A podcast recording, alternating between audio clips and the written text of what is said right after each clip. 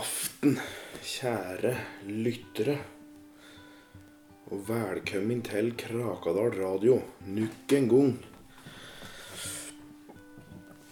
Det er eh, trivelig at du fortsatt henger med og eh, bidrar til at at eh, Krakadal radio blir eh, hørt. At folk og historier fra Krakadalen fortsetter å, å leve. I dag så skal vi virkelig få høre om en uh, type, for å si det slik. I dag skal vi uh, I dag skal jeg fortelle om en Kåre Villskinn. Som uh, i 17 ble født i 1721. Oi da, det var Og klokka mi, gitt. Ja, det, beklager det. det. Det går mot midnatt, så da ringer klokka. Eh, 1721, ja. Og så døde han da i 1768. Så det ble ikke gamlegubben, han ble 47. Ehm, eh, Kåre Villskinn, ja. Eh, han hette faktisk Kåre Villskinn. Det var liksom etternavnet hans, det. Ehm, han var født i Krakadalen. ehm, Men han hadde røtter ifra Strupetjernet, som ligger i en svart og stormfull plass borte på Vestlandet i Norge. Og Kåre han var en ordentlig fæling. Og allerede som treåring så gjorde han seg bemerket i Krakadalen. For da stjal han ei geit, og så ridde han rundt i skogen og stang i hjel griser og tusseladder. Som femåring da tok hun far sin sin hagle og skjøt sunt alle vindusruter i hele bygden. Og det er jo bare så flaks vet du, at han ikke skjøt i hjel folk. Riktignok var det jo mange som fikk liksom haglskader, da. Verst gikk det vel utover av Runi. Hun ble jo skutt av begge øra, vet du, idet glassruta bare sprakk. Og glasskullet, det, det sprutet. Og dette skjedde for hun sto rett ved kjøkkenglasset. Og, og sto og rørte og baka brød eller et eller annet, det veit jeg ikke, men i hvert fall altså skjøt jo en eh, en Kåre, da, og, og så det kom glasskull på hver sin side av skallet hennes. Så ansiktet hennes det var helt uberørt, men begge øra han for tvers av. Så, så, hun gikk jo da med blodig fille rundt huget hele sitt liv etter det. Hun ble jo da bare kalt blautfilla. Men eh, ja. En Kåre Villskinn han eh, startet opp eh, Konglemafiaen. Og dette gjorde han da i skolegarden i en alder av sju. Og der han da terroriserte nabolaget med konglekasting. Og verst var det da folk skulle enten lage middag eller ete middag. Du vet da fa Familier da satt seg for for å Eller satt seg f.eks. da og samlet til bords. Eh, En traurig mandagsaften da, eller et eller annet, så da kunne det fort hende at det haglet kongler rundt huget på dem. Og noen ble truffet i øva, og andre ble truffet i riggen. Og noen fikk blåmerker, mens andre ble traume for flere uker. Og det skal sies at det er ikke lett å bo i skogen og ha kongletraume. For du vet, det er jo faen meg kongler overalt, vet du. Så det var jo det var ofte i åra 1728 og 1729 at folk sprang bananas eh, rundt, vet du, da ekorna drev og hadde konglekrig på stusslige kvelder. Konglemafiaen, de bestod av Det var da Kåre Villskinn. Han var jo sjefen. Og så hadde han med seg åtte andre. Og det var eh, Henry Flesketuten peker på.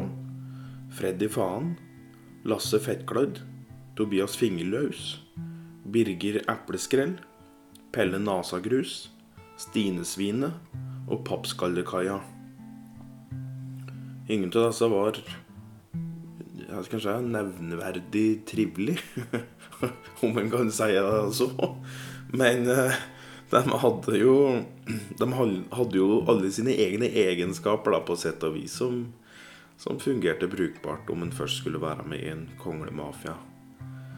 Og, og, og det holdt vi på i to år, denne mafiaen. Og, og da var det hver høst innenfor de to åra, det vil da si begge de to høstom som var da de holdt på, ja, da, da gikk de rundt i skogen og samlet kongler for hele vinteren. Og du veit, de kommer jo ofte i krangel med både ekorn, mus og flaggspetter.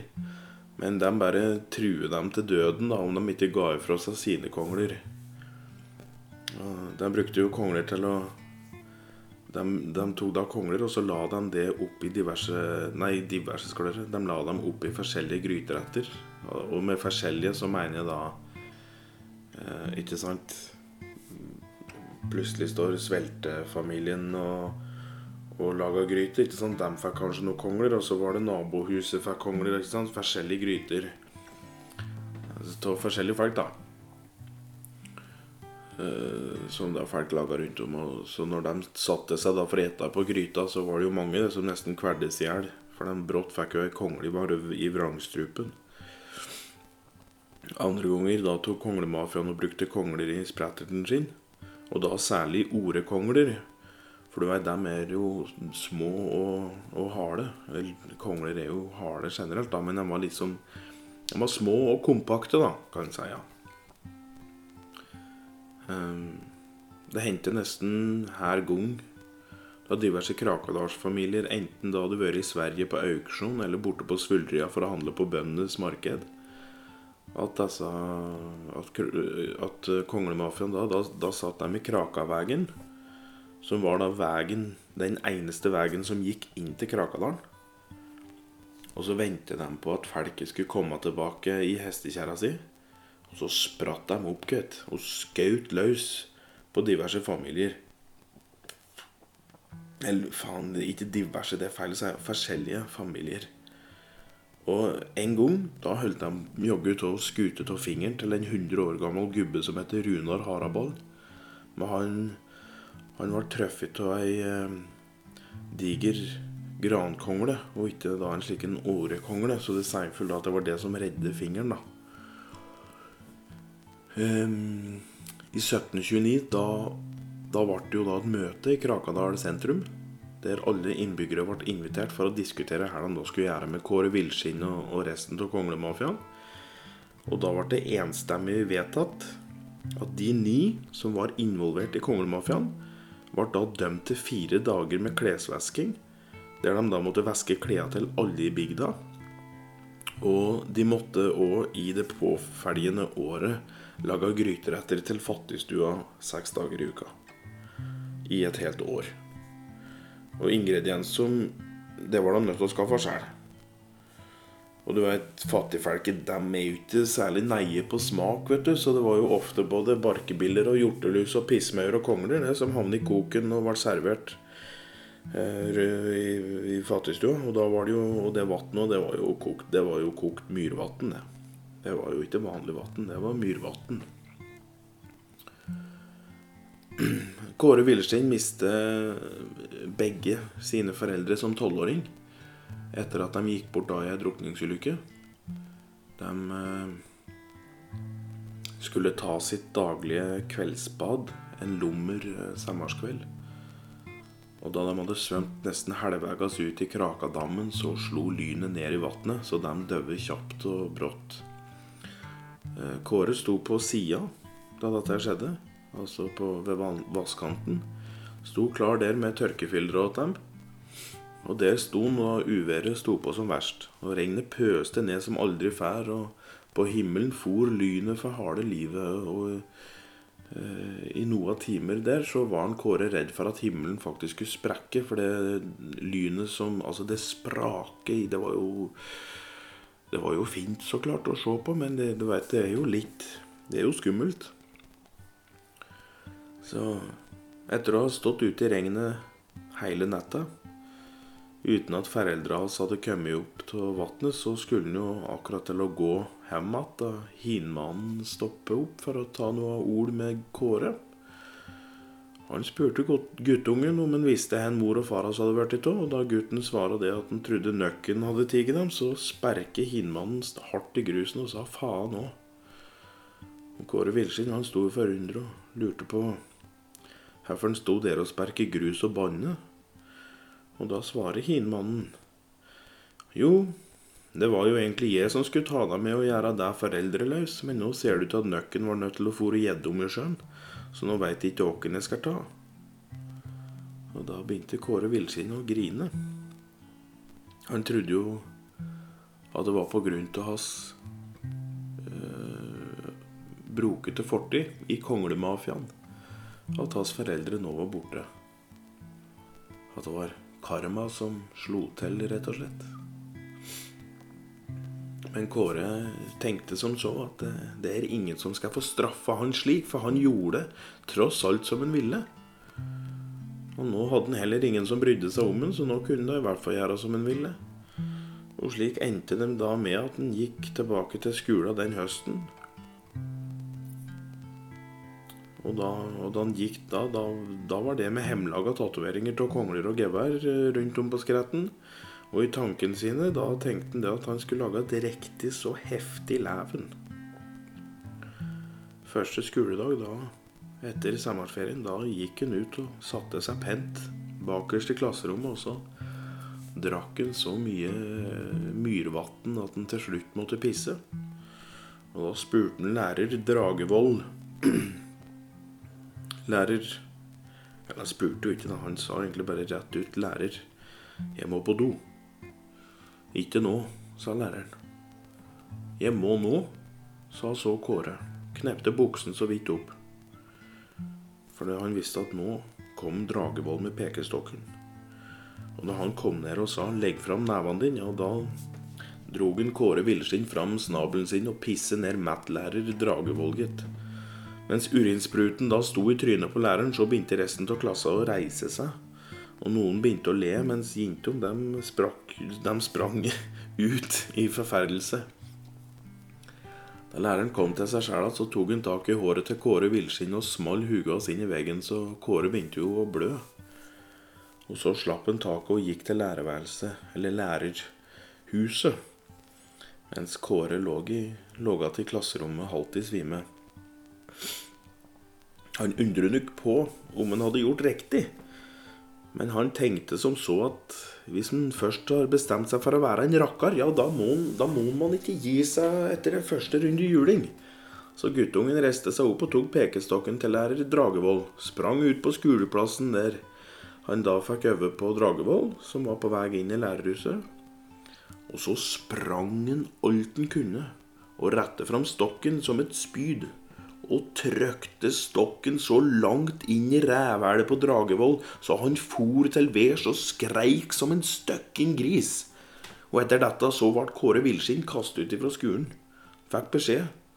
Han fikk ikke komme tilbake før foreldra hans kom for å beklage det at de hadde født en så forferdelig gutt. Og selv om Kåre sa at foreldra hans var daue, så hørte ikke lærere etter. Så da endte det med at Kåre dro ut i skogen og kom ikke tilbake igjen før i 1754. Og hva Kåre gjorde i mellomtida, det er det ingen som veit. Men det er ei, det er ei vise om Kåre Villskinn som ikke ble uh, sunget før i 1821, altså 100 år etter at Kåre hadde blitt født. Og visa den ble heller ikke funnet før i 1812, 44 år etter hans død. død. Visa den ble funnet i ei gammel hytte i Sibir. Men han var skrevet på norsk. Og noen skal ha det til at Pappskallekaia hadde truffet Kåre på fjelltur i Nebelhorn, som da er et fjell i Oberstdorf i Tyskland. Og der hadde de hatt en affære, visstnok. Og de hadde reist videre og bodd sammen i Sibir. Og da Pappskallekaia hadde gått bort vinteren 1754, etter at hun hadde frøst i hjel under en skikkelig hard frostvinter, så, så kan det nok stemme at Kåre da dro tilbake til Krakadalen. Og da er det òg naturlig å tro at det er eh, Pappskallekaia som har skrevet visa.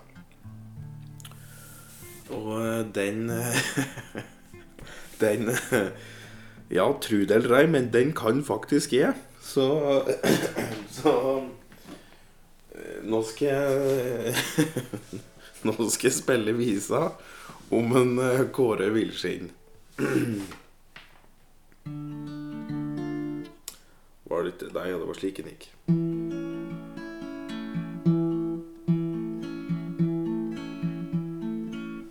Jeg veit ikke helt hvordan jeg skal spille den, men eh,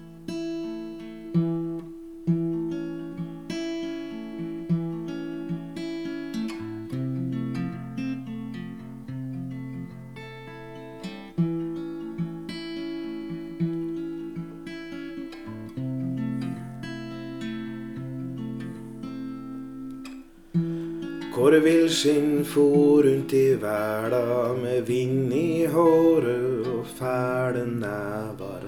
Han hadde skjegg som skremte bjørn, og ingen gud kunne høre hans bønn. Han var kjærlig og han var rå, men han var vanskelig å forstå.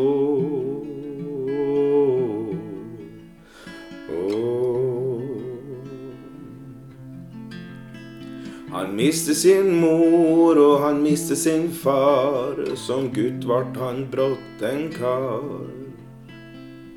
Han kunne ikke lese og ikke skrive. Han erbe hardt og lot seg aldri hvile. Elske blant fjell og elsket av ei dame. Møtte hardt mot hardt og gjorde andre harme.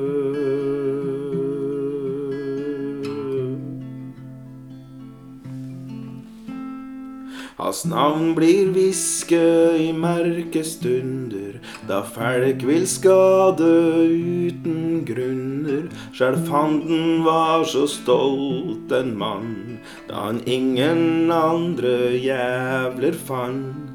Hans navn var Kåre Villskinn, en skummel skygge. Med han i hus var ingen trygge.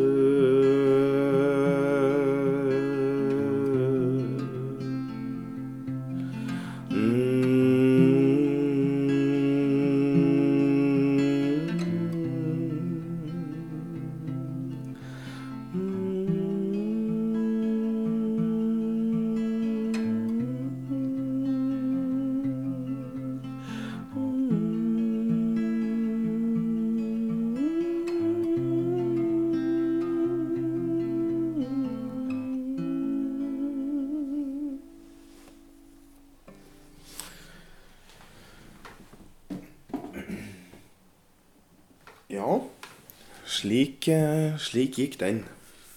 Um,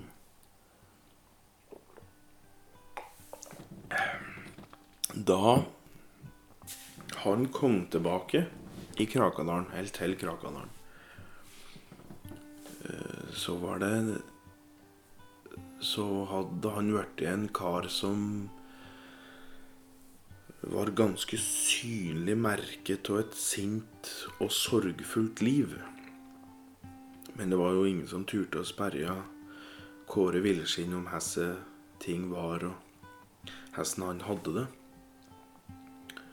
Han eh, dro tilbake til barndomshjemmet, som var ei gammel husvogn som nå var rætende opp. Men han snekkerhoppet satt og leste seg inne i husvogna sine siste år. Han var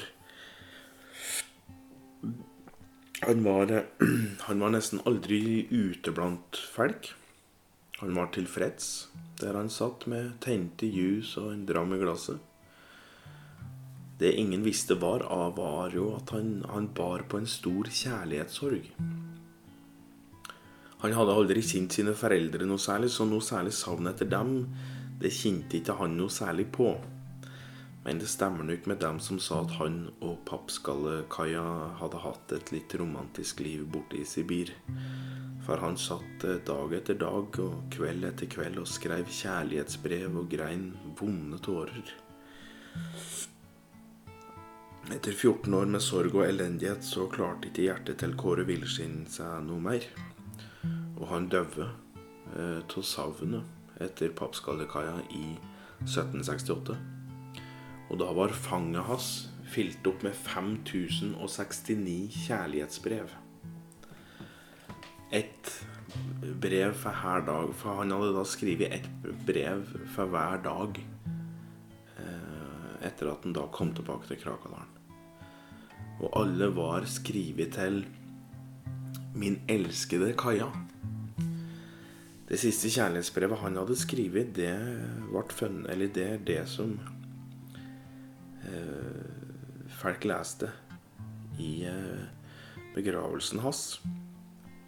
Riktignok så var det Det var bare de konglemafiaene som møtte opp, foruten Pappskallekaia. Men de andre, de levde ennå, så det var sju stykken som eh, Som eh, dukket opp i, i, da han skulle senkes. Og, og, da ble dette brevet her lest opp på minnestunden de hadde i fattigstua eh, etter begravelsen.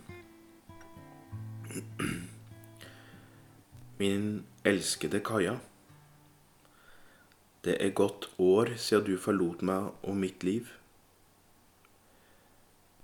Men det er ikke sant for du er fortsatt mitt liv.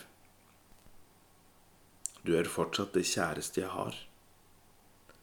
Mitt hjerte er så slitt og vondt etter savnet og lengselen det bærer etter å få høre din klukkende latter en gang til.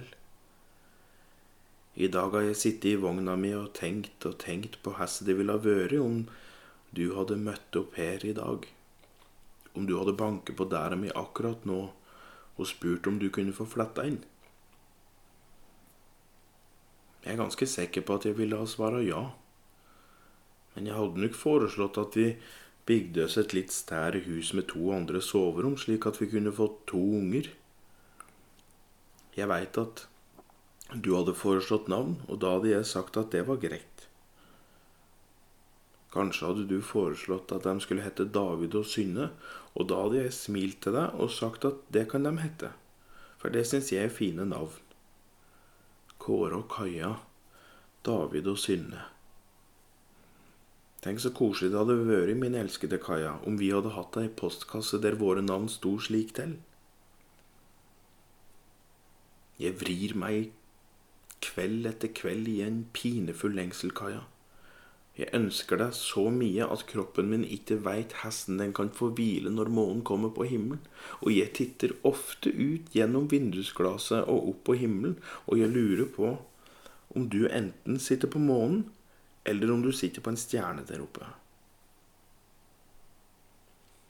Ofte har jeg fantasert om at det er du som sier hei når et stjerneskudd fyker over himmelen, og kanskje at du òg sier at du har det bra. Jeg sitter her og svarer at jeg òg har det bra. Men det kommer aldri noe stjerneskudd etter at jeg har svart, som da kan bekrefte at det var du som for over himmelen. Min kjære, elskede Kaja. Husker du den dagen vi var i Frankrike i april 1752? Og du hadde gått så fort at beina dine hadde blitt så vonde, og du lot meg få massere de når vi hadde fått husrom for dette? Jeg kommer aldri til å glemme den fine kjolen du hadde på deg. Hvis vi noen gang hadde giftet oss, Kaja, så hadde jeg ønska at du hadde hatt på deg den kjolen, for den syns jeg var kjempefin. Nesten like fin som håret ditt, men håret ditt syns jeg var litt finere. Min elskede Kaja. Min kjære, elskede Kaja. Jeg skal legge meg nå, men jeg håper at jeg våkner opp ved sida av deg i morgen. Jeg erker ikke en dag til her på jorda om du ikke skal komme tilbake. Og jeg veit at jeg skriver dette i hvert eneste brev jeg har skrevet til deg, men jeg mener det mer og mer for hver dag jeg våkner opp. Jeg håper at dette er den siste dagen, for hjertet mitt klarer ikke mer. Det kan jeg kjenne, Kaja. Jeg håper du har det bra oppe på månen, og jeg ser fram til jeg kommer og ser hvordan du har det. Husk å vaske gulvet til jeg kommer, da. Så kan vi ligge på gulvet og fortelle hverandre om ting vi kan gjøre sammen. Det gleder jeg meg til. Til evigheten tar meg tilbake. Din Kåre.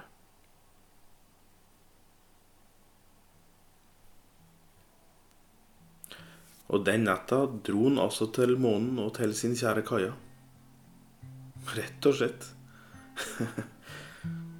Så slik var historien da om Kåre Villsking. Så da er det bare å takke for i dag. Og så eh, Så høres vi neste uke. Krakadal radio over og ut.